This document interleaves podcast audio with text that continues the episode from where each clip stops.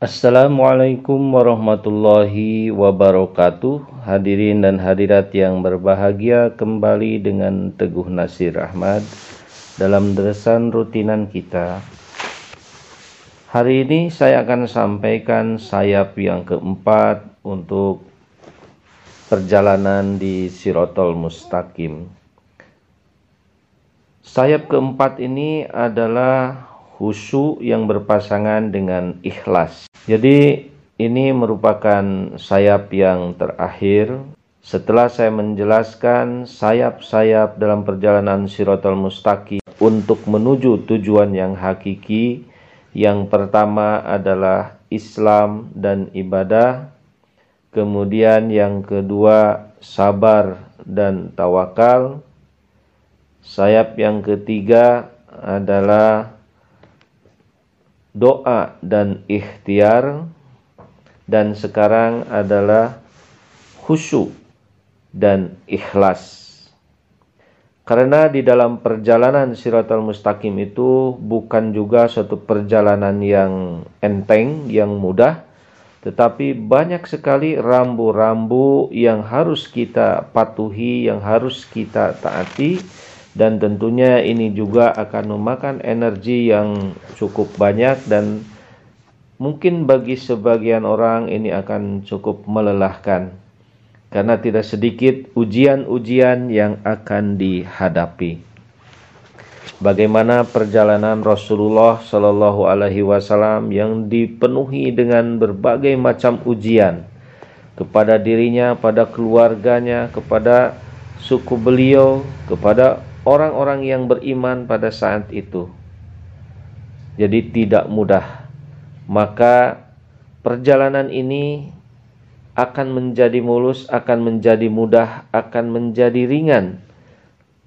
Dan kita akan bisa menjalaninya dengan baik apabila sayap keempat ini benar-benar dimiliki oleh kita semua.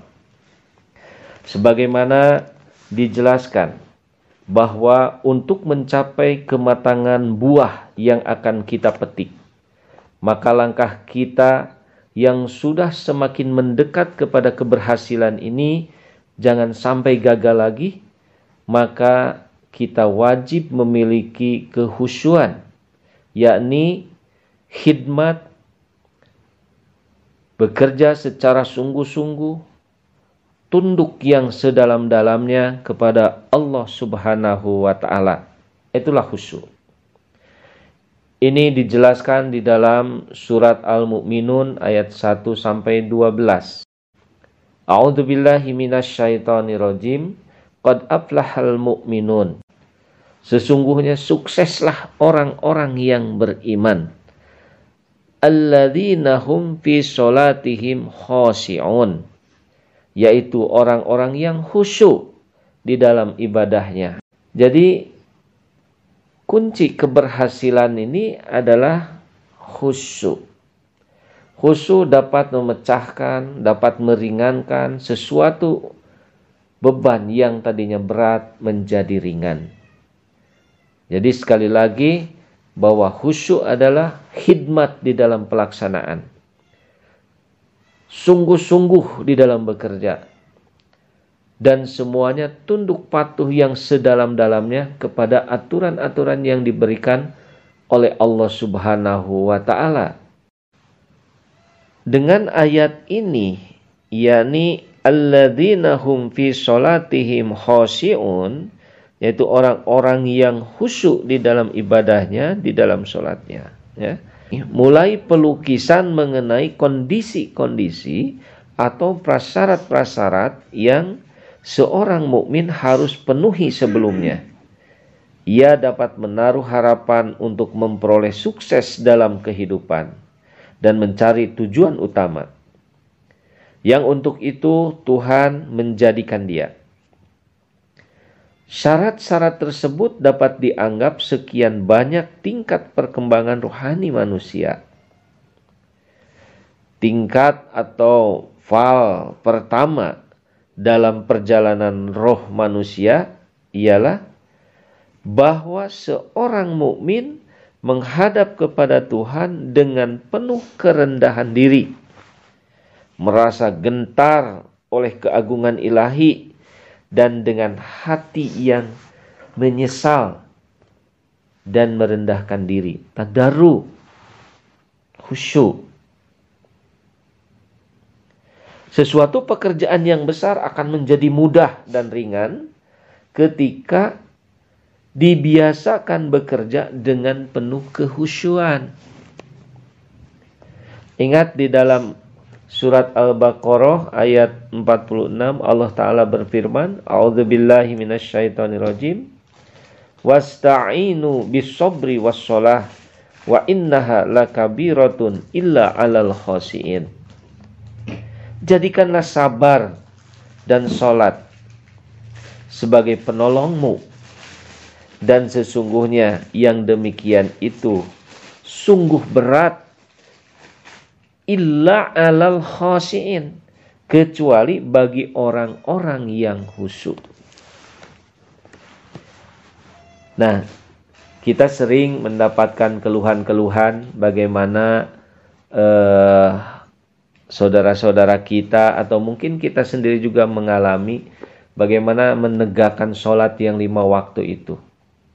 Kita sudah mendapatkan satu poin, yakni dengan semangatnya untuk melaksanakan sholat. Kita selalu memperhatikan yang lima waktu, bahkan kita melakukan sholat-sholat sunnah, sholat nafal, ya.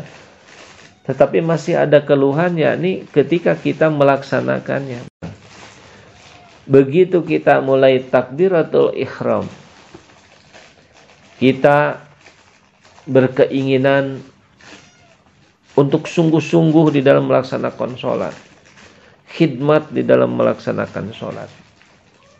Tetapi bayangan-bayangan kehidupan, baik yang dirasakan enak atau yang dirasakan pahit di dalam kehidupan, semua terbayang di dalam waktu kita melaksanakan sholat itu. Nah, jadi tidak mudah sebenarnya melaksanakan sholat itu. Nah, di sini artinya kita harus meningkatkan uh, kehidmatan kita di dalam sholat, kesungguhan kita, dan kita siap untuk patuh tunduk kepada aturan-aturan yang ada di dalam sholat itu. Dari mulai mempersiapkan tempat sholat kita, pakaian kita, gerakan sholat kita, bacaan-bacaan yang kita baca di dalam sholat, itu semuanya harus dibenahi. Karena itu adalah unsur-unsur yang akan menimbulkan kehusuan kita di dalam sholat. Ringkasnya bahwa setiap sesuatu pekerjaan akan menjadi ringan apabila kita ada kehusuan di dalam pelaksanaannya. Mudah-mudahan Allah SWT senantiasa memberikan kesehatan kepada bapak-bapak, ibu-ibu semuanya di mana pun berada. Dan Allah SWT menghindarkan dari penyakit yang sangat menakutkan sekarang ini kita diselamatkan oleh Allah Subhanahu wa taala sehingga kita masih bisa bersama-sama di dalam deresan rutin ini dan Allah senantiasa meridhoi kita semua. Wabillahi taufik wal hidayah. Wassalamualaikum warahmatullahi wabarakatuh.